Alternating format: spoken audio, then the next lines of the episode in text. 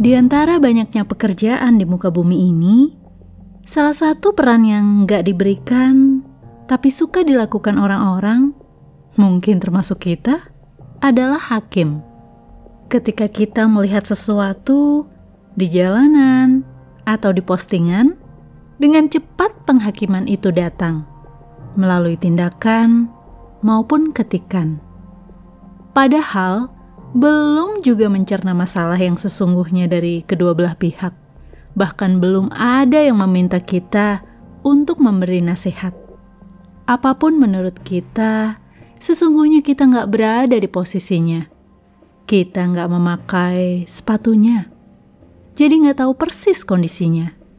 Jangan mudah menghakimi. Bukan tugas kita.